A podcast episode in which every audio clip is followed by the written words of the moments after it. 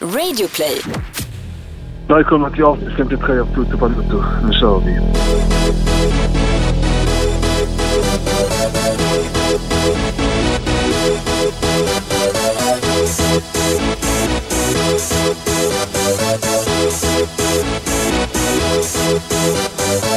Y'all ready for this? Kanske ska inleda det här avsnittet med att eh, dela ut en liten minischnitzel till dig för din gulasch i lördags. Asså? Vi var ju hemma hos dig och käkade middag och tittade på fotboll och myste med dina småtjejer. Sen så var ju eh, Melodifestivalen en sorglig parentes i en annars väldigt trevlig kväll. Men eh, Också vi, obligatorisk parentes. alltså jag fattar ju att eh, Melodifestivalen är stort för tjejer i dina döttrars ålder. Men jag undrar också vad det är som är stort. Alltså jag tror inte att det är själva numren i sig, utan jag tror att det är hela apparaten kring. Att man har en padda som man röstar på, och att, eh, ja men, det, det är liksom lite fest och lite show. Ja, det är lågintelligent humor också. Ja men det, det bryr sig inte barnen om. Det är det som är så lustigt, att de ja, kan men kombinera jo, det fast där. vad, alltså, vad jag menar är att det, det, nu är inte jag, alltså jag har inte tittat på Melodifestivalen på tio år, men jag har ju förstått i svallvågorna efter lördagens delfinal att Loreens nummer var ju för, alltså det var ju för svårt för den yngre publiken att ta till sig. Och det säger ju en del om vad det är för majoritetspublik som tittar på det här. Det är ju föräldrar med sina barn och barn vill ju ha Sean Banan-grejen. Såklart. De vill inte ha Loreen som kör en subtil ja, passning till kvinnan med väskan 85 i Växjö. nej, Det flyger ju inte nej, liksom. flyger inte. Eh, men eh, vilken jävla gulasch. Du fick ju mig att eh, på ett sätt vilja revidera det vi håller på här, men eh, vi, vi, kan heller inte, vi kan heller inte rucka på det vinnande receptet som Det är var Toto någonting Balutto. annat än en Findus burkgulasch som serveras nere i grottan hos Eskil Hellberg. Ja, det får man lov att säga.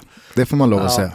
Och sen så såg jag på Instagram här att du, du, du reagerade på att någon eh, ifrågasatte att det är kniv och gaffel till gulasch. Ja, verkligen. Alltså gulaschsoppa. Visst kan man, man få en gulaschsoppa också i, i Österrike, men normalt sett så äter man den ju som en gryta med eh, knödel då, på det här sättet som vi käkar. Och sauerkraut! Får vi inte glömma bort, det gillade du Gusten. Ja, det var väldigt gott. Eh, Du går från klarhet till klarhet vad gäller det kulinariska. Så att jag Fotbollen hoppas... går åt helvete efter förra veckans fiasko med lämplighetsskalor och grejer. Ja, det var ju... eh, Alltså, Nej, jag hörde det var delade meningar. Ja, men det var ruggigt rörigt. Det jag egentligen bara ville säga, det, det var bara, det borde finnas en lämplighetsskala. Man får en etta, alltså lägsta betyg om det är så att man är supporter och dessutom har spelat på matchen. Alltså Kviborg, Real Madrid, det är ett superexempel. En femma, ja men då är man typ en, en objektiv domare. Men för That's att, it. för att dra då någon slags matliknelse här Ja, så serverade ju du en sås för tidigt. Den hade inte reducerat ner tillräckligt. precis så. Du hade en bra grund egentligen, du hade en bra tanke. Men du tog av kastrullen från plattan för tidigt. Exakt. Den borde ha fått koka ner lite till ett, ett mer cleant konsensus. Så är det. Hur som helst eh, så är det här februari månads sista Toto Balutto-avsnitt. Vi lägger en eh, riktigt aktiv eh, månad till handlingarna. Det är den 27 februari, vi ska ringa Ponne snart och kolla läget. Ponny! Leeds stormar ju mot, snart är det fan direktplatserna mot Premier League. Vinst i helgen igen och Ponne J chefar ju längst där bak. Det har varit en oerhört händelserik helg. Vi ska dra ett matigt svep alldeles strax. Men som ni vet så ska det delas ut eh, lite födelsedagsgratulationer till att börja med. Eh, det är inte ofta men ibland så dyker det upp Georgier här. vet du vem vi pratar om då? Jag kan misstänka. Det är ju den gamla Milanbacken Kaka Kaladze som eh, fyller år idag. Vad har du för relation till Georgiens enda bidrag till toppfotbollen de senaste hundra åren? någonsin.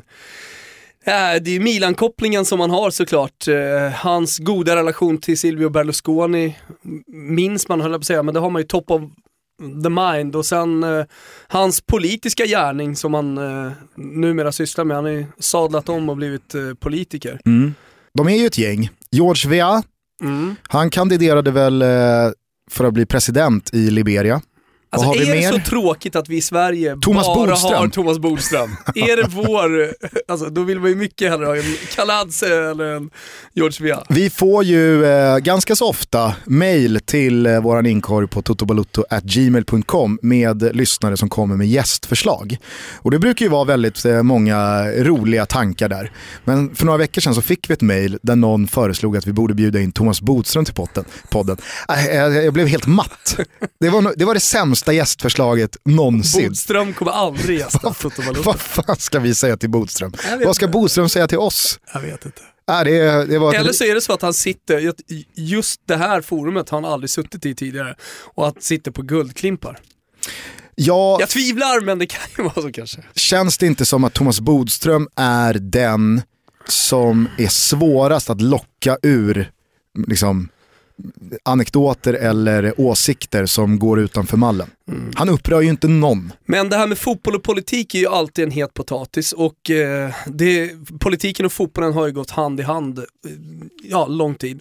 Och fortsätter att gå hand i hand. Fotboll är politik, politik är fotboll. Eh, den som inte har förstått det har ju inte förstått sig på sporten än. Och därför är det ju faktiskt ett perfekt läge då att propsa lite för boken som heter Propagandafotboll. En god vän till mig som heter e- Ekim Chaglar har skrivit den.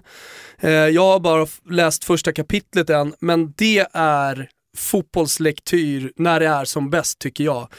Där finns eh, historien om Cristiano Lucarelli, ni vet han extremvänstergubben som spelade i Livorno, sa nej till pengarna, flyttade hem till staden där han var född och kurvan där han var uppvuxen. Finns det något kapitel som berör low-key fascism? Ja, det, alltså fascism rör det ju och säkert också low-key fascism, Gusten. eh, du får spela in eh, våra lyssnare på det där så de är med på vad du Ja men det var ju något avsnitt, jag tror att det var det avsnittet som eh, Niva gästade. Där eh, vi pratade om eh, lag vars politiska ställning på höger-vänsterskalan betyder väldigt mycket. Både för supportrar men också för rivalitet gentemot andra klubbar. Och då så kom vi väl in på att du supportar i det här fallet så tror jag inte att det handlade om vare sig Fio eller Hellas. Eh, utan det handlade, nej, det handlade om eh, Varese. Just det. Och eh, Varese supportas ju av eh, Christian Borell, italofilen som eh, väldigt många känner till från diverse poddar. Eh, och där hade ni då haft en beef om eh, vad som är värst. Och han hade sagt att ja, men du stöttar ju det fascistiska Hellas Verona. Och du då hade sagt lugn, lugn och fin Christian. Det är low-key fascister, inte full-blown. Nej, men framförallt så handlar det ju om, och det tror jag många Lazio-supportrar också kan relatera till, alltså numera också Roma-supportrar, det, det, det finns ju eh, högerextrema grupper egentligen i alla kurvor. Eh, men, men för min del så har supporterskapet aldrig varit politiskt. Det har det varit för många och det är det fortfarande och det har kommit in i svensk supporterkultur en hel del också. Vi, vi har ju sett den här banderollen i AIK Überalles som är aktuell just nu och som Han rörde upp väldigt mycket känslor. Ja exakt, Eh, men, men just den delen av supporterskapet som är en stor del för många, den är noll för mig. Mm. Jag försöker hålla mig borta från det helt och fullt och bara stödja tröjan. Men hur som helst, jag vill bara säga det. In, googla propagandafotboll, jag vet inte var, var den säljs, och köp boken. För det är underhållande och eh, jag kan garantera att ni kommer lära er någonting också när ni, när ni läser. Och sen så kan ni eh, väldigt gärna fylla på i hashtaggen Totobalutto på Twitter med andra fotbollsspelare som efter avslutad karriär, eller kanske rent av under den, gav sig in i politiken. Eh, vi har säkert missat några Ja. uppenbara. Jo men ofta när vi sätter oss ner så här så blir vi väldigt spontana Gusten. Det är som förra veckan när vi började prata om bandiere, eller fanbärare inom svensk fotboll. Eh, och vi inte nämnde Kennedy Bakircioglu. Det var ju bara, det, det, var, det var inget planerat ämne som vi skulle prata om. Självklart är ju Kennedy en av dem. Vi har Absolut. fått mail och många reaktioner för att vi inte nämnde Kennedy. De börjar bli högljudda, Bayern. Bayern! Eh, vi säger i alla fall grattis till Kaka Kaladze och så får vi se när Georgien eh, exporterar nästa person till den absoluta toppfotbollen. Stort grattis också till Sveriges, genom tiderna vill jag ändå påstå, hon har petat ner fan i mig Pia Sundhage från tronen här. Mest framgångsrika fotbollsspelare någonsin. Nej, inte Hanna Ljungberg heller, utan Lotta Schelin. Jag tycker ändå att eh, man ska nu slå fast att hon är eh, den största damfotbollsspelaren i svensk historia. Vet du vad hon har eh, gemensamt med Zlatan förutom flest antal diamantbollar och en massa ligatitlar i Frankrike? Berätta. Hon har aldrig vunnit SM-guld. finns ju ett par framstående svenska fotbollsspelare som aldrig har Erik vunnit ett Niva SM-guld. bet på den på spåret? Visst var det så. Ja, Visst var det så. Lotta Schelin har aldrig vunnit eh, SM-guld. Sen är det klart att det fattar ju vem som helst att det hänger ihop med att man har spelat majoriteten av sin karriär utomlands. Men eh, för mig är ändå Hanna Ljungberg Sveriges eh, dam-Maradona. Bäst genom alla tider. okej, hur eh, rankar du Lotta Schelin då? Nej men hon kom ju efter bara det att Hanna Ljungberg var aktuell för Perugia en gång i tiden. Det är kul med damfotbollen för att det är en sån annorlunda hierarki Mm. i hur klubblagsfotbollen ser ut, i hur Sverige ser ut. Alltså, Sverige är ju inom damfotbollen en maktfaktor. Det är ju en bra, det är en toppliga. Det är, lands, det är ett landslag som eh, alltid går långt i de stora mästerskapen. Och på så sätt så är det ju vitt skilt från hur herrfotbollen ser ut. Så att, eh, ja, det finns ju något, eh, något kul i det där med att eh, lite mer udda lag är i toppen. Och l- de engelska lag, jag till exempel jag har en god vän som heter Emma Lund eh, som spelar i Liverpool. Och Liverpool är ju alltså, det är en marginell klubb eh, i, i, i damfotbollen rent kuppmässigt. Där är det ju snarare liksom Wolfsburg som är Exakt. the shit. Men eh, vi har ju också flera goda vänner som spelar eller har spelat fotboll eh, som, som har verkat inom damfotbollen. Eh, Lisa Ek är ju en eh, som vi båda känner väl. Som just nu faktiskt är i Filippinerna om jag inte har sett fel. Och eh, delar ut tröjor och prylar till eh, unga kids som spelar fotboll och som behöver hjälp. Hatten av för Lisa, hon gör mycket bra utanför fotbollsplanen. Ståle Solbacken fyller år, Hasse Backes eh, gamla favorit. Höll ju honom högst vad gäller psyke. Väldigt väntat svar från Hasse. Eh, han är ju verkligen stark mental egenskap personifierad, Ståle Solbacken. John Joe Shelby fyller år idag också. Gå vidare. Och sista gubben då som fyller år. Ja, Men vänta, det var ju kul med Johnny och Shelby. Jag kommer inte ihåg vad det var de sjöng. Men han var och värmde upp med Liverpool under någon match. Och hela arenan sjunger någon Harry Potter-referens. För att han ser ut som eh, några, fan jag är så jävla dålig på Harry Potter, jag har inte Nej, läst den här skiten. helt usel. Han är i alla fall lik någon, han har ett väldigt speciellt utseende, John Shelby. Han är hyvelrakad och har lite utstående öron och sådär. Och då var Alltså, det, vad fan är Harry Potter ens till för målgrupp? jag vet inte, Eh. 15-åringar? Vilken 15-åring går och kollar på Harry Potter? Men det är ju saga, men det är fortfarande liksom, det är inte, det är inte Bamse. Alltså, jag läste Narnia-böckerna när jag var 11-12, det är väl i så fall där omkring. Konstig målgrupp ändå. Du har så, det känns jävla, du har så jävla märkliga grejer för dig ibland att spela in som du vill ha liksom, titta på mig. att, Nej, det är absolut inte titta på mig, men jag, nej, jag försöker bara relatera till Harry Potter. Vem tittar? Det känns ju som att det är ändå ganska mycket vuxna kikar, alltså så här, gå, gå och kolla på bio och kolla på Harry Potter. Skulle aldrig falla mig in. Ja. Eh, man kan lägga in den videon i alla fall i, i hashtaggen Ja. när hela läktaren då sjunger någon, någon Harry Potter-referens till John Shelby gå och han vidare. märker detta. Eh, och lagkamraterna märker det här också och så blir det lite fnissig stämning. Eh, sista födelsedagsbarnet Sergej Milinkovic Savic fyller år idag. Du har ju en problematisk, problematisk relation till honom. Ja, men han stod så, och ingen människa har någonsin varit mer juggig än när Milinkovic Savic stod i katakomberna på Artemio Franki och var på väg att signa för Fiorentina, deadline day. Fyra timmar senare har han tagit Frecciarossa ner till Rom och, och skrivit på för Lazio. Sånt som händer, men det var en rolig deadline day story hur som helst. Milinkovic Savic kommer ju aldrig bli något. Du eh, Gusten, tripplarna satt inte i helgen. Nej, alltså det är, det är en motvind som eh, börjar lämna kulingstyrkan bakom sig och flirta med orkanstyrkan. Bara går till dig så har du haft väldigt mycket stolpe ut. Du har Mm. satt eh, två av tre nästan varje vecka och varit extremt också nära på den tredje. Ett överspel som stannar vid två mål. Vi har en eh, nästan värsta där med Liverpool som hade 2-0 på Tottenham. Ja, och sen så hade du den gången då Fiorentina gör tre mål hemma mot Genoa men ändå inte lyckas knyta ihop säcken och vinna. Ja. Så att, eh, nej, det börjar bli många eh, tripplar som eh, går både stolpe och ribba ut. Kanske döms de bort via goal line technology. Det var ju det emot för mig den här helgen. Jermaine Defoe har ett ribbskott som studsar ner på mållinjen mot Everton. Hade det bara smitit in så är jag helt övertygad om att den matchen hade gått över. Det stannade på två gjorda mål. United satt ju och eh, Harry Kane hade ju fixat överspelet mellan Spurs och Stoke redan i paus. Så att, eh, Ja, och Nej, många, var många som har ryggat våra Betsson Toto-tripplar vet ju om också att eh, jag satt på över 2,5 i Napoli-Atalanta. Napoli på hemmaplan, 25 minuter kvar, 2-0 Atalanta, en man mer. Man tycker att det borde bli ett mål. Och sen vad, vad fick vi ett par virken och några frilägen. Ja men alltså bara en sån sak att ditt överspel inte sitter när Atalanta gör två Ja, mål.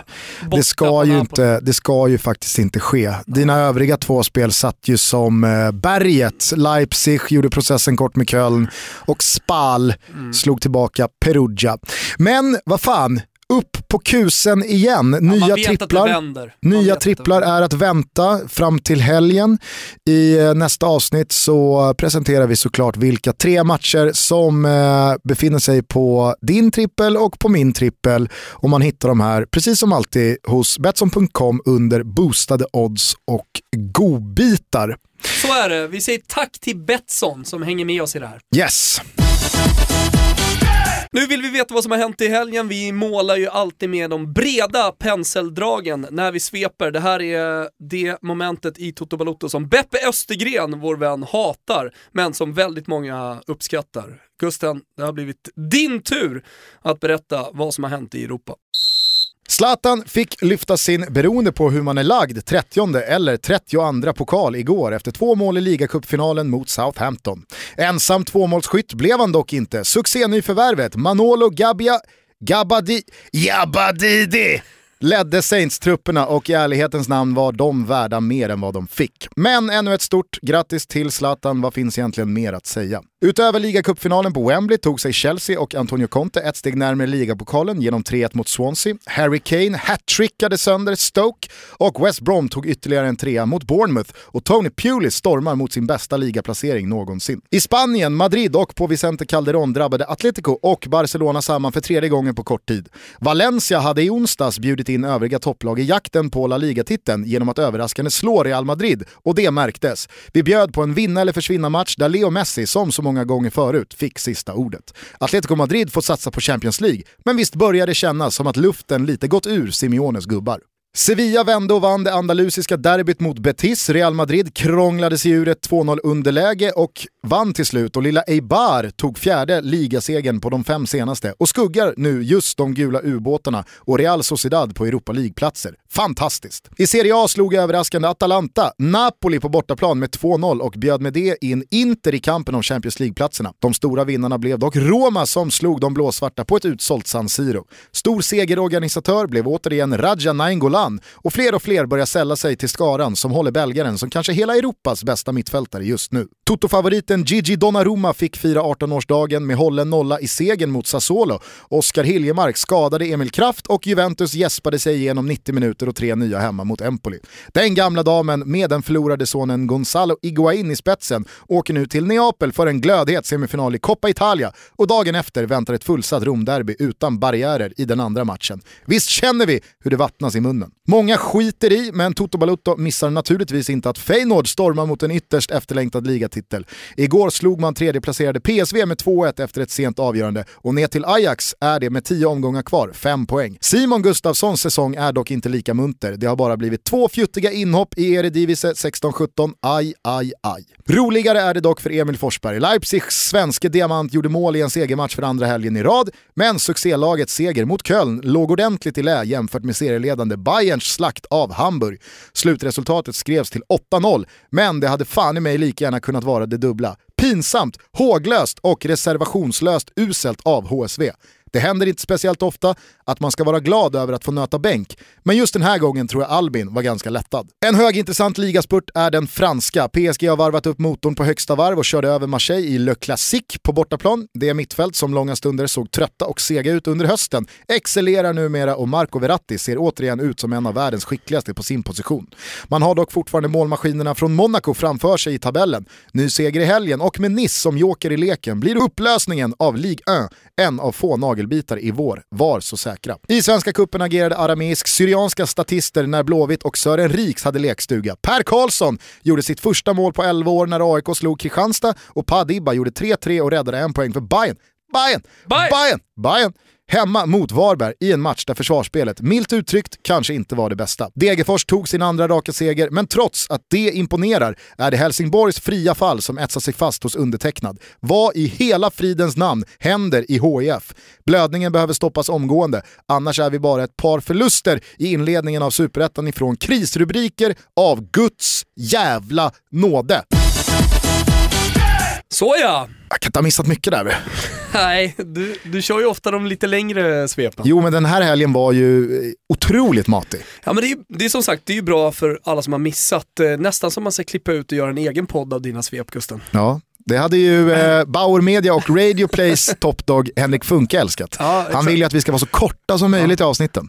Kvart, Ja, tycker jag är rimligt. det går ju att svepa en kvart, absolut. Absolut. Nej, men jag har till exempel utelämnat eh, Olympiakos eh, andra raka ligaförlust. Mm. Det är oerhört länge sedan de torskade två ligamatcher på rad. Jo men det finns ju hur mycket som helst. Alltså, en av de stora snackisarna återigen efter den här helgen var ju domarkåren, inte bara i Italien den här gången, för all del även i England, där eh, Southampton rånades på ett mål, eller rånades på ett mål, men, men det var en offside situation där.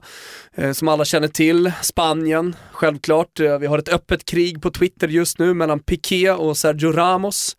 Efter att eh, Real Madrid har fått, eller fick en, fick en straff som man absolut kan diskutera. Det är intressant det där med just Piqué och Ramos eftersom de är så givna mittbackskollegor i landslaget och har så varit under en så lång tid. Firat enorma triumfer ihop, men alltid tillhört Barcelona respektive Real Madrid, i alla fall under den här eran då jag vet att Piqué har varit United och Ramos i Sevilla och så vidare. Ni fattar grejen. Det är ändå intressant eh, och, och tänka tanken hur mycket som är skämt och hur mycket som är allvar i deras eh, beefs.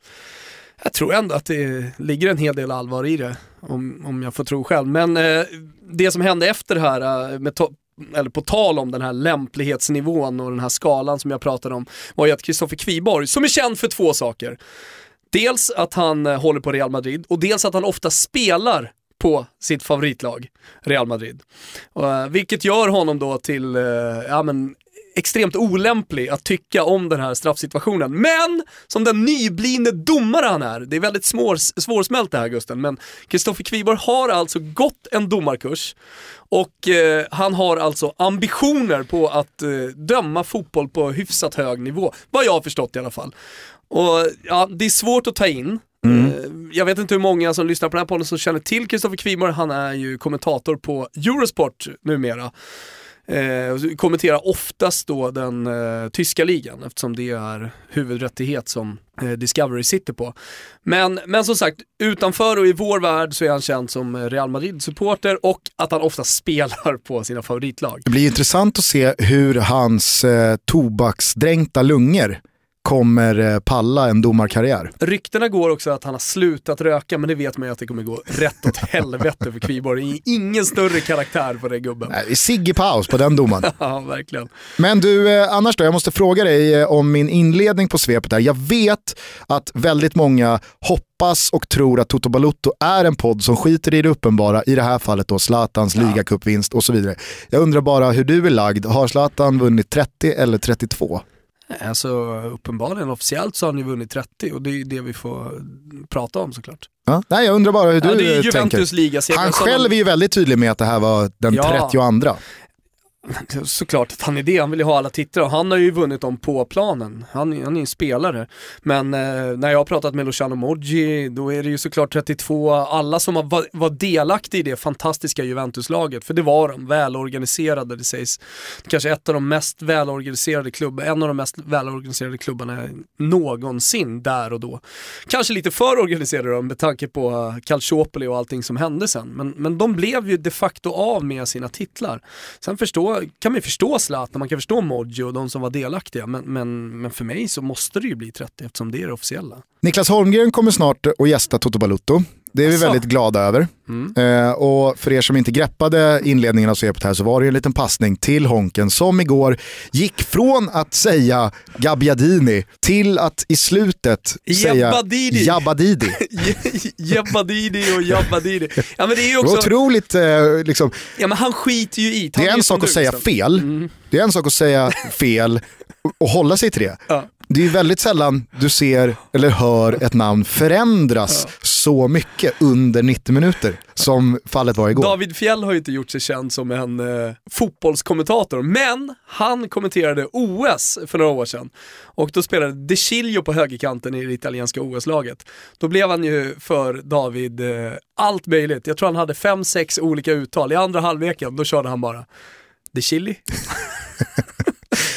Problemet, Ja. alltså jag ömmade ju för kommentatorerna som hade att göra med eh, landslaget, Juventus och Milan under den här tiden. För att det fanns ju De Chilio och De Celje. Ja, exakt. Alltså Nej, förlåt, det var De Celje. Ja, men du hör ju själv. Ja, det var Alltså. De Celje.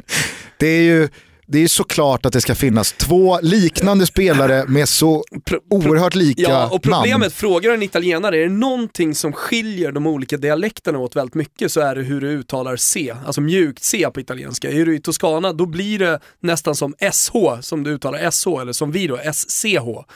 Skitsamma, vi ska inte köra någon eh, italiensk språkkurs här. Men det är, jag, jag förstår att det är svårt, helt klart. Men eh, jag gillar också att han landade i, lite som eh, Niklas Holmgren här, i det mest felaktiga. Jebbadidi och ytterligare en dimension och som säger någonting om Niklas Holmgren som kommentator. Och att han förmodligen är på samma spår som du, bara man fattar vem det är. Han sitter ju alltså bredvid en person som har bott hela sitt vuxna liv, mer eller mindre, i Italien. Glenn Strömberg. Och eh, Glenn har ju säkerligen berättat för dem, han gör, trycker på den här mute-knappen under sändningen, han heter Gabbiadini. Men Holger skiter i det. Jabbadidi! Nej, det var inte, det var inte, jag, äl, jag tror aldrig jag har älskat Niklas Holmgren mer än vad jag gjorde igår. Jag håller faktiskt med, det var fint. Eh, jag skulle bara vilja säga en kort grej om Zlatans insats igår. Eh, det är det sista som händer.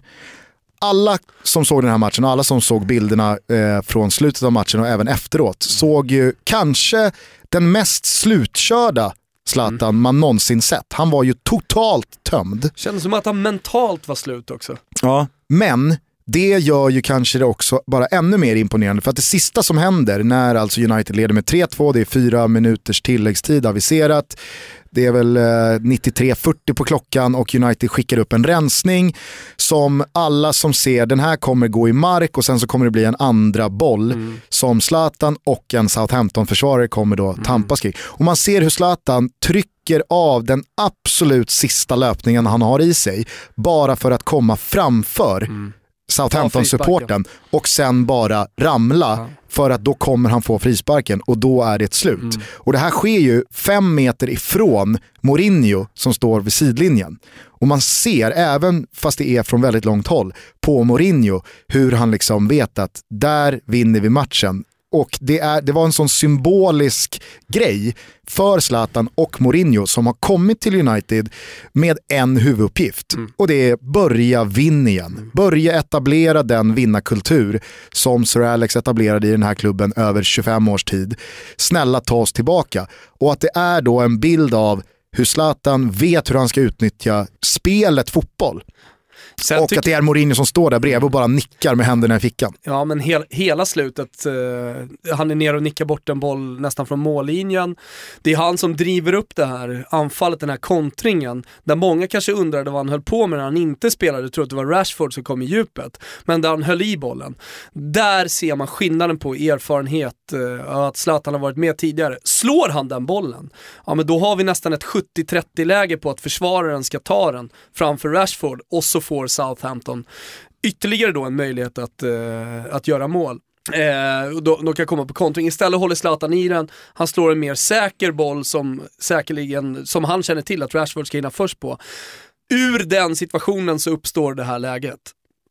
Så, och, men jag tycker också efter matchen, alltså det blir så tydligt på planen att, att Zlatan har eh, dels den här vinnarmentaliteten du pratar om, men, men också erfarenheten. Men sen efter, under hela firandet, så tycker jag det känns som att det är pojkar som har vunnit typ Gothia Cup, eh, resten av eh, Manchesterlaget och så är det Zlatan. Alltså det är inte många eh, liksom vinnare i laget, utan de håller på att formas och bli vinnare just nu.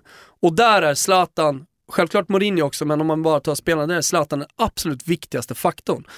Att få dem förstå att det är han som nickar bort den där bollen, att det är han som tar den där löpningen och att det är han som sätter 3-2 målet.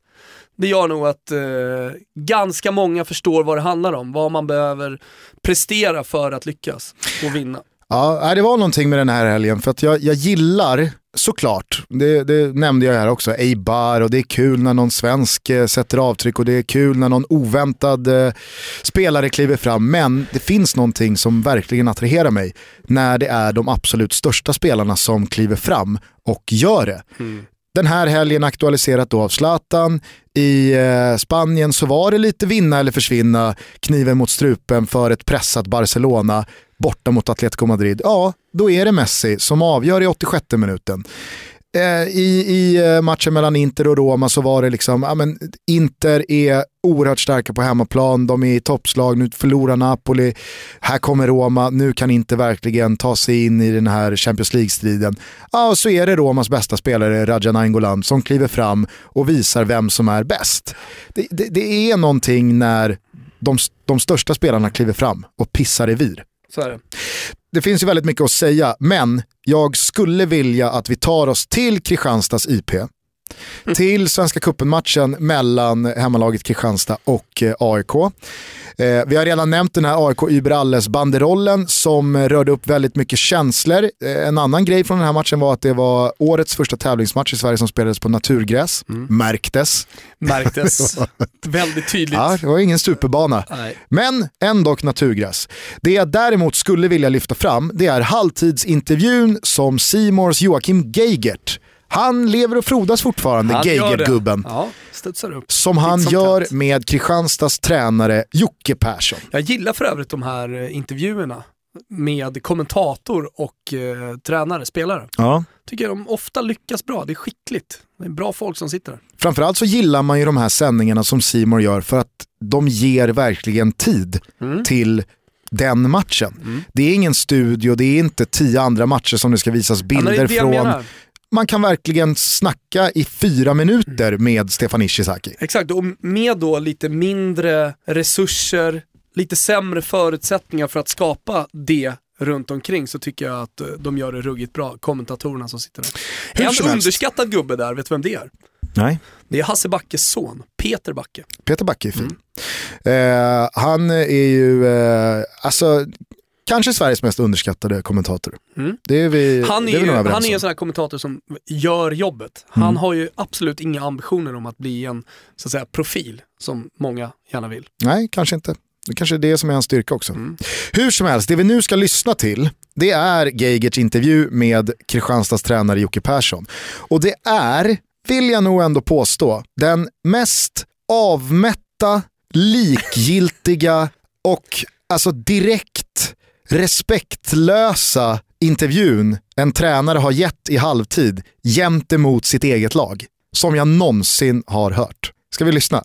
Ja, Joakim Persson, eh, 0-2 har vi efter första halvleken. Vad är dina tankar? Eh, ja, det är väl inte så överraskande att de är en klass bättre än oss här och vi är ganska mesiga så att eh, vi har ganska mycket folk på plats vid, vid bägge målen men eh, det är klart, är man ett eh, juniorlag mot ett, eh, ett av Sveriges bästa lag så, så blir man synad att man är en snäll pojke i sammanhanget. Du flaggade redan före matchen att du kanske hade lite mer spets att sätta in mot slutet av matchen. Blir det tidigare byte nu än du hade förväntat dig?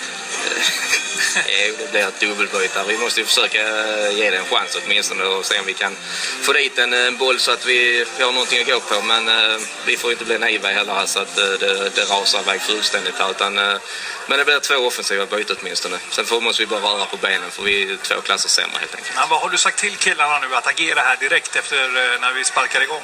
Ja, vi kan ju börja med att vi ska ha ett närkampsspel överhuvudtaget och sen att vi ska löpa framåt när vi har bollen. Det är en förutsättning för att vinna fotbollsmatcher. Stå och titta och beundra hur snygga och fina AIK är. Det, det, det vinner man inga fotbollsmatcher. Lycka till i andra Det halvlek. kan behövas, ja. Tack. Joakim Persson alltså. Det här är alltså den gamla Atalanta-spelaren Jocke Persson om jag har förstått det hela rätt. Eh, Exakt, tidigare Ängelholmstränaren. Eh, alltså, håll med mig. Det, det här är ju... Jag har aldrig hört en liknande intervju.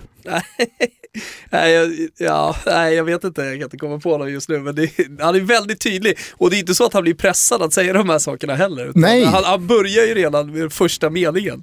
Två gånger så garvar han ju också till. Ja. Alltså att det, det, det är så, och det, det står ju faktiskt bara 2-0 i det här läget. Alltså, Ska vi höra en gång till här på slutet när han säger det kan behövas? Lycka till i andra halvlek. Det kan behövas, ja. Tack. Tack. ja, alltså, det, det, Nej, det, är- jag, jag satt hemma och kollade på den här matchen och så ser jag den intervjun. Och du vet, Alltså nu hör vi ju bara, men om man också ser det här hur han ser ut, för att du vet ju hur de här intervjuerna går till.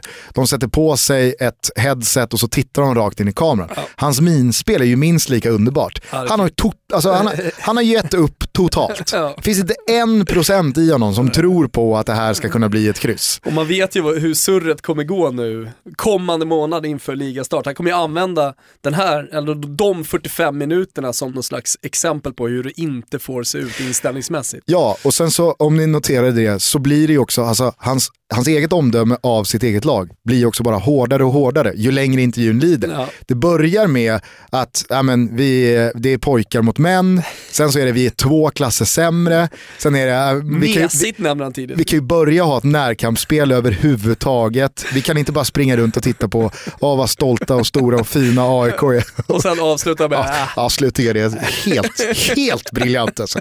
Jag kan behövas. Det kan behövas, ja. schnitzel.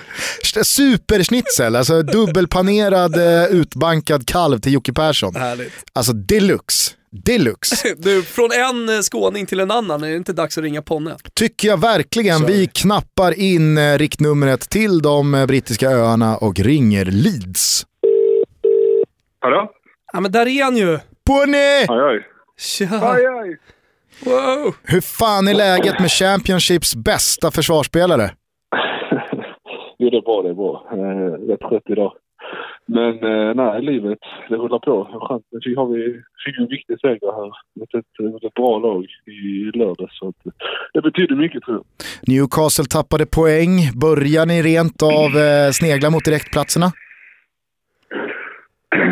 Jag vet inte, ta en match i taget får vi se vart, vart det leder. Jag har faktiskt inte ens... Om jag skulle aldrig vara med för några månader sedan, några veckor sedan, hade jag mer koll på tabellen. Nu har jag knappt, knappt koll på hur det ser ut. Jag vet att vi ligger på playoff såklart, men inte så noga insatt som jag var för några veckor sedan. Men det är ju en oändlig liga. Många av de här kadettserierna, andra ligorna, även i Italien, är ju... Ja men det är så otroligt mycket matcher och det finns alltid några, någon räddningsplanka att eh, hoppa på.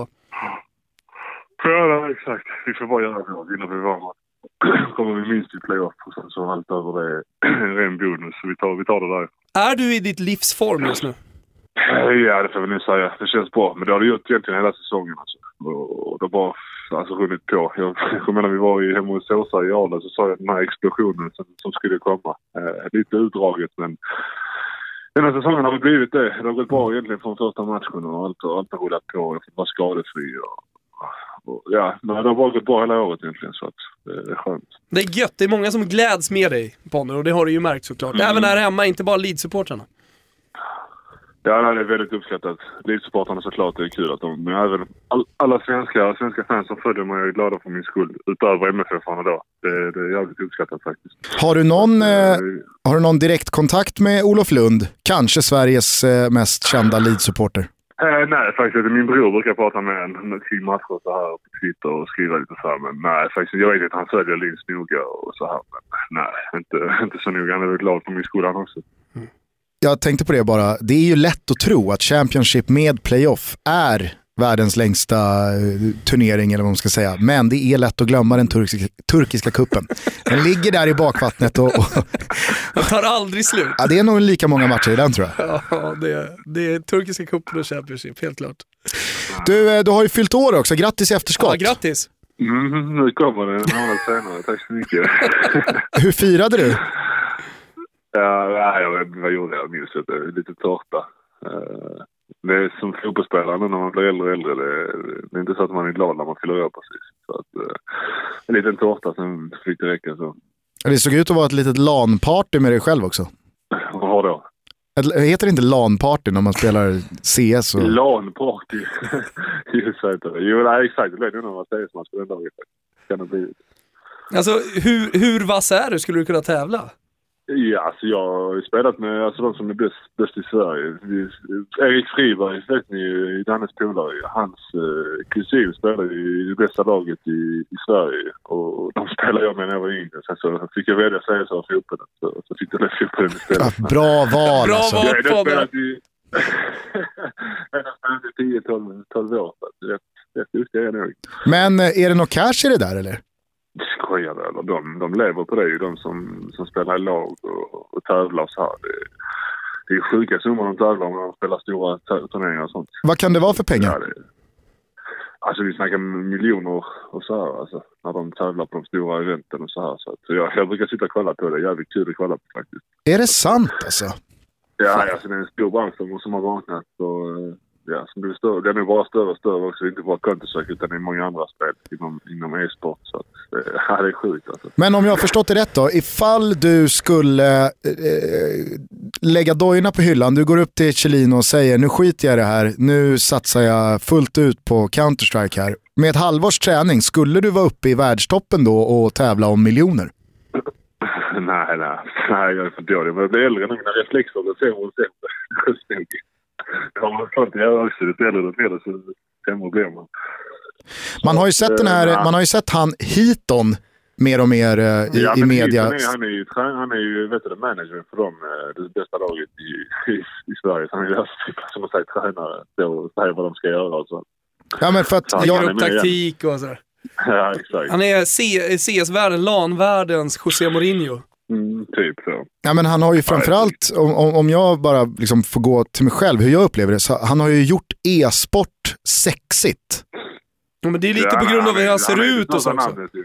Jo men det känns som att för tio år sedan, då, men du, då fick inte knulla, du fick inte knulla speciellt mycket på e-sport och, och vara en dataspelare. Nej men hit de får knulla. Ja, och det känns som att nu är det ju liksom, är du en riktigt vass C-spelare som drar in miljoner, då märks ju det i inkorgen också.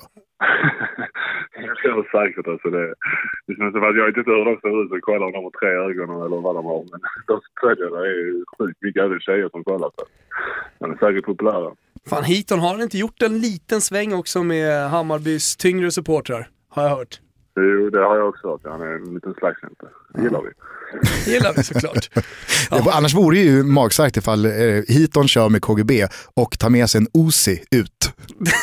Skjuter folk. Ja. Du, eh. Den svenska tävlingssäsongen är igång. Malmö FF eh, gick ju på pumpen mot Boys i höstas, är således inte med i Svenska Kuppen. Men eh, vad har du läst ut av eh, MFFs försäsong? Ja, alltså nu, alltså jag älskar MFF för jag följer noga, men jag ser ju egentligen allt. Jag har sett i princip alla cupmatcher från, från andra lag, så att jag är rätt, rätt insatt och rätt bra koll faktiskt. Någonting som har stuckit Mm. ut? Tycker du? Ja, hur dåliga alla varit skulle jag säga då. Det är fan inte många som imponerat. Östersund skulle jag säga de som har imponerat mest. Malmö också har varit stabila, men det är som sagt träningsmatcher inte samma sak som tävlings, tävlingsmatcher. Eh, men många lag har faktiskt varit riktigt svaga om jag ska vara ärlig. Eh, Jag vet inte, för några år sedan så när de här cupmatcherna, när jag själv spelade cup under första året, de här mot Superettan, då vann man ändå med fyra, fem bollar. Men nu, eh, fan, de förlorar mer än vad de vinner. Så. Rätt, ja. Men sen var jag inte så positivt överraskad i alla fall. Vi har ju eh, i alla fall sett eh, några gamla kompisar eh, till dig som har återkommit till svensk fotboll. Gillo Anamad har börjat starkt i Bayern. är du förvånad? Ja. Nej, absolut inte. Han, jag såg han igår. Han var riktigt fin igår. Han, eh, nej, han är, jag vet hur hans mentalitet är. Han tränar hårt och ger sig aldrig. Och, vi har haft bra, relation, bra kontakt med Gille under åren. Vi har varit ute och, och pratat nog mycket med honom här i vintras inför vad han skulle välja. Så, här. så jag har rätt engagerad i vad, vad, som skulle, vad det skulle bli. Eh, så jag är väldigt glad för honom att han får börja spela fotboll igen och, och att det går bra också. Det är kul. Hur är kontakten med Simon Tern? Också bra. Vi pratar kanske inte lika mycket som Gille, men vi pratar ändå och följer varandra. Och, och han har en tuff skada som, och sen efter det så köper han att komma tillbaka. Så att jag tror det blir rätt för han nu med Rickard i, i AIK. Så att det, det kommer nog bli bra. Jag har faktiskt inte sett honom än om jag ska vara ärlig. Men eh, det blir nog bra. Han har inte spelat jättemycket än. Nej. nej. Men Men du, efter eh, AIK mot Gais ju, då, då kom han in sista tio. Så mm. uträttat så mycket. om vi får låna dina känningar in i det himmelsblå omklädningsrummet då. Vad, vad sägs om eh, Magnus Perssons första tid på posten? Ja, jag har inte så många kvar att prata med. Jag har ju bara Rosenberg. Han pratar jag med ja, i princip varje dag. Det är ju han, han får det i så fall. Men han, han gillar honom positivt överraskad. Uh, ja, Mackan hade egentligen ingen bild av honom innan heller. Uh, all, och jag personligen har lärt mig kontakt med honom så jag vet inte hur han fungerar. Men Mackan sa att han är bra. Positivt överraskad. Så att, uh, det blir nog bra. Låter det på Rosenberg eller om du gör din egen kalkyl som att eh, Malmö kommer ta in någon, eh, någon till eh, klassspelare? Nej, jag har svårt att säga det om jag ska vara ärlig. Jag vet inte vad det skulle vara i så fall. De, de tror mycket på den truppen de har. De behövde ju mittbacken och sitta in i, i Nilsson. Eh, Så nej, jag har svårt att att något, något mer skulle komma in. An annars känner man ju om man kollar på det som är kvar av transferperioden som att det, nej, det är lite för många lag som är ute efter en anfallare med så kort tid. Och det är ju inte helt lätt att hitta någon heller, just i det här spannet. Det kan, det kan, man, man får inte vara för bra, tjäna för mycket. Och samtidigt så vill du inte plocka någon kanske från superettan för det är ingen garanti. Ja. Du har ju en Ja, lagkamrat i... Du har ju en lagkamrat. Ja, nej, exakt. Det är några spelare som har blivit proffs som kanske kan vara aktuella till spelen. Engvall, du sa Andersson, jag vet inte hur, hans, hur han ser till det. Men det finns väl några, några lag som du säger alltid som behöver förstärka. Djurgården tycker jag, AIK. Um, men med vad och med vem, det vet jag inte. Men någon av dem kan ju behöva förstärka. Men vad fan, du måste ju ha snackat med Antonsson eh, om, eh, om alla rykten som varit och sådär. Hur har snacket gått? Jo, det är klart, vi har pratat lite men sådana personliga frågor får ni, får ni ta med honom. Det, det, det tänker inte jag avslöja. Nej, det är Det lite väl personligt. Ah, ja, okej, okej. Eh, landslagssamling om eh, tre veckor. Fan vad kul, Vitryssland. Mm. Ja, Partygärna var här för några veckor sedan och hälsade på. Asså? Berätta, vad hände? Var ni ute Mm. Ja, nej, och svira? Ja, han var här. Ja, han var så träningen dagen innan. Sen så, under träningen tittade jag ut mot PM och han skulle prata om något. Så jag kunde lite närmare. Så det är klart att han ska prata med Selin. Är det sant? Prata skit. ja. Alltså, och, och Janne det- hade ingen aning vem det var heller. Så Janne skulle prata med Selin i 40 minuter och han hade inte vem det var. Alltså det Och man vet ju dessutom, alltså, så här, det är en sak att Janne inte vet vem Celino är, men som inte Celino vet vem Janne är. Men jag, jag tror att Selin visste på grund av mig att jag hade förvarnat att Janne skulle komma. Att han var. Att Jag tror att Selin hade rätt bra koll ändå. Nej men eh, vad fan, eh, vad läser du in i det då? Det är väl ändå inte alla spelare som Janne åker och besöker på plats? Ja, nej, alltså jag vet ju. Jag är en viktig, viktig spelare för truppen. Det är klart att jag har kommit i en tuff situation med, med Vigge och Granen som båda presterar. Och Granen lagkapten, det är lätt att peta honom. Och, och Vigge, som säger, han fick börja spela under EM när jag kanske hade en tuffare eh, situation i mitt klubblag. Och det, är- det är svårt att peta dem när de, när de gör det bra. Så för mig det är bara högt huvud, pusha. Och jag är bara, jag fick en här frågorna för några veckor sedan i engelsk, engelsk press också. Alltså jag är bara glad att få vara med i truppen och hedrad av att vara med i ett svenskt landslag. Och sen så tar jag det därifrån. Får jag spela så är jag glad. Och får jag sitta på bänken och Sverige vinner så är jag minst lika glad. Så att landslag det är, det är en speciell sak. Alltså det, man ska bara vara glad att få vara med i truppen. Sen så tar man det därifrån. Jag vet inte om du lyssnade på vårt avsnitt förra veckan med Hasse Backe. Jo, jag har precis satt och lyssnat på det i bilen nu precis, så är nästan klar. Ja, då berättade han i alla fall om när eh, Dietmar Hamann smög upp eh, till honom inför eh, derbyt i Manchester och propsade på att de skulle spela tre man centralt så att han skulle kunna få plats i elvan. Alltså, det är ju ett alternativ för dig tycker jag. Du kanske bara ska smyga upp till Janne i början på samlingen och säga, ska vi inte köra trebacken då? Det var det jag gjorde mot Frankrike. Jag sa du gärna är det inte dags att slänga in Jansson på, på topp. Så fem minuter senare så... Alltså det var ju... Kallar du dig själv för Jansson? Det var jubel i Casa Wilbacher. Tjejer, tjejerna, mina tjejer undrade, blev det mål nu eller? Nej nej nej, fan Ponna har kommit in och han spelar forward. Ruggig moment. Ja, ja, du, eh, lycka till här i, i kommande matcher. Mm. Kör hårt eh, innan landslagssamlingen. Ska vi göra slag i ja. saken sen när det är landslagssamling, om du får någon timme över? Eh, att, vi, att vi träffas i en studio kanske, eller i alla fall att vi tar med oss en mick någonstans. Eller hur? Ja, Bra. det är dags för det. Du får gärna ta med dig Janne också. Party-Janne. Ja, exakt, och Celino. Vilken jävla sittning. Ja, fy fan. Ponne, Janne och Celino. Ja. Nej, men du, eh, ta hand om dig Ponne. Ja. Detsamma, vi hörs snart. Och hälsa den förlovade. Ciao Ben. Ciao.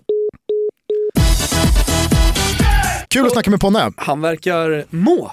Alltså självklart så är han ju glad, fotbollen går bra och sådär, men det verkar som han trivs med livet där borta. Mm. Nu så ska man väl inte liksom igga eh, Micke Lustig och Martin Olsson och eh, Augustinsson och, och gubbarna allt för mycket. Kanske det kan vara någonting med trebacken då? Ja, det tycker jag. Det är ju melodin för många av klubbarna, så det, 352 har inte bara nått eh, Stockholms norra delar. Det skulle ju definitivt öppna upp en vingplats som handen i handsken för Oscar Wendt. Ja, faktiskt. Han spelar ju 3-5-2 numera i Mönchengladbach, eller en variant av 3-5-2 i alla fall. Mm. Var ju ruggigt bra mot Fiorentina. Jag har inte sett Mönchengladbach så mycket den här säsongen. De har ju inte visats heller eftersom Eurosport pan-europeiskt de... väljer Bayern München hela tiden. Det är ju inte ett svenskt beslut. Men du såg dem förra veckan på Frankie? Jag såg dem, de var det var det jag skulle säga och jag blev faktiskt imponerad av Oscar Wendt. Han, eh, han gjorde en riktigt bra match. Mm. Jag gillar Lars Stindl. Det är min gubbe i Gladbach. Ja, jätte bra spelare. Han var ju också oerhört imponerad. Han gjorde väl tre mål på Det var han som gjorde hattricket. Ja. ja. Fy fan alltså. Ja, men eh, nu ska vi inte landa i Lars Stindl här. Eh, det är kul att Ponne mår bra, Leeds mm. går som tåget och eh, att det strax är dags för landslaget igen att samlas, det riktiga landslaget. Jag håller ju en tumme för att Per Frick tas ut, men det kommer ju inte ske. Nej, det vet du också. Du, jag tycker att vi ska runda av. Ja, det har blivit dags att eh, ta oss vidare ut i den här gråa är det marsdag? Nej, februaridag. Det är fortfarande februari, mm. så är det. Eh, fortsätt höra av er, vi finns på totobalutto.gmail.com. Ni kan följa oss på sociala medier, eh, kontona heter totobalutto. Ni kan lyssna på vår musik via Spotify och eh, ni kan säga precis vad ni vill till mig och Thomas. Eh, vi eh, lyssnar stor, eh, med stora öron. Det gör vi. Jag tycker att vi avslutar, eh, hur deppigt än vädret är eh, i, i Sverige den här tiden. Det har ju varit mycket skåningar i det här avsnittet. Ja. Så varför inte göra hattrick i skåningar och avsluta med Peps Perssons ja! gamla dänga och boy. Så eh, fortsätter vi eh, tugga på i rask Toto Balutto-takt. Vi hörs väl eh, torsdag-ish igen. Det gör vi. Ciao tutti. Ciao tutti.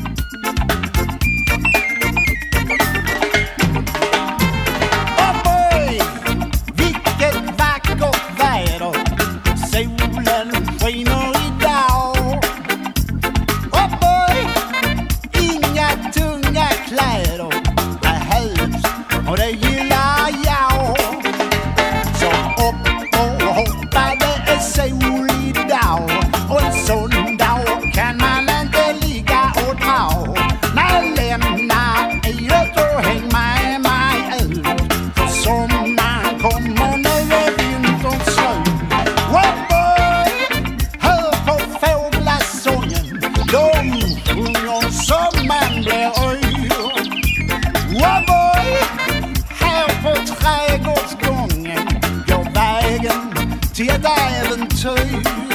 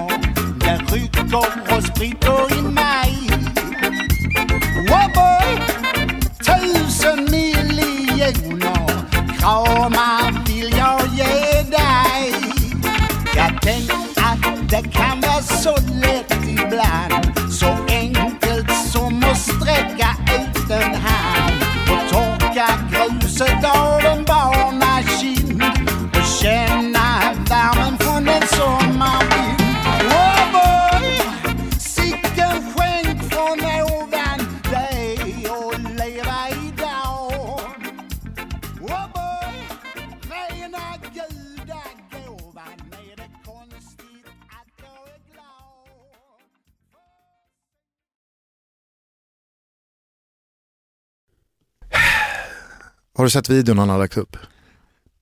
Vilken av dem? Det står ett gäng Zenit-grabbar inne på en basketplan och kör den klassiska Ah, ja, ja. leken som fotbollsspelare gör, att man ska sätta bollen i korgen Han med hjälp av fötterna. Ja, du, du och Mimmo gör, han alltså det är helt sjukt hur nöjd han är. Att han går bort, och sen när han gått bort ska jag ju vända sig direkt. Det är så man gör. Men han fortsätter bara gå och gå och gå. Men det går faktiskt inte att komma ifrån att han gör det bra. Alltså att han sätter den ja. Exakt. Ja, nej, alltså rent fotbollstekniskt så gör han det ju bra. Det är ju det som händer efter som är så jävla vaniljigt. Alltså han gör... Han, Men han ska- vet ju att det är första gången i hans liv han gör någonting edgigt. Ja, Så att han vet ju inte hur han ska hantera det. och så på film också. Så Ja. jävla nöjd han var med det. Men man undrar hur lång den där originalfilen är. Hur många försök har föranlett det där? Ja, det är många, många små videor som har gjorts. Eh, många verkar ju ha hittat in till hemsidan i alla fall. domenicocashito.net. Ja, Denna vaniljgruva. har du hittat något nytt guld? Nej, jag, jag pallar inte gå in där. Alltså. Inte jag heller. Vad gör Pammi? Nej, men, men Pammi verkar ha det ganska bra nu. Alltså det, det är ju, våren är ju också på väg till Sankt Petersburg du. Det är viktigt för dem, väder. Italienare, speciellt syditalienare, så, så är vädret viktigt. Mm. Ja, håll utkik på domenicocrescido.net ifall det släpps någon ny nål på Ja. världskartan. Ifall Pammi och eh, Mimmo har checkat in någonstans. ja, hittar ni någonting speciellt så hör, av er. Nu ska jag och Gugge gå på ett viktigt möte, eller hur? Det ska vi. Framtiden. Men först ska jag pissa. Hej! Ciao!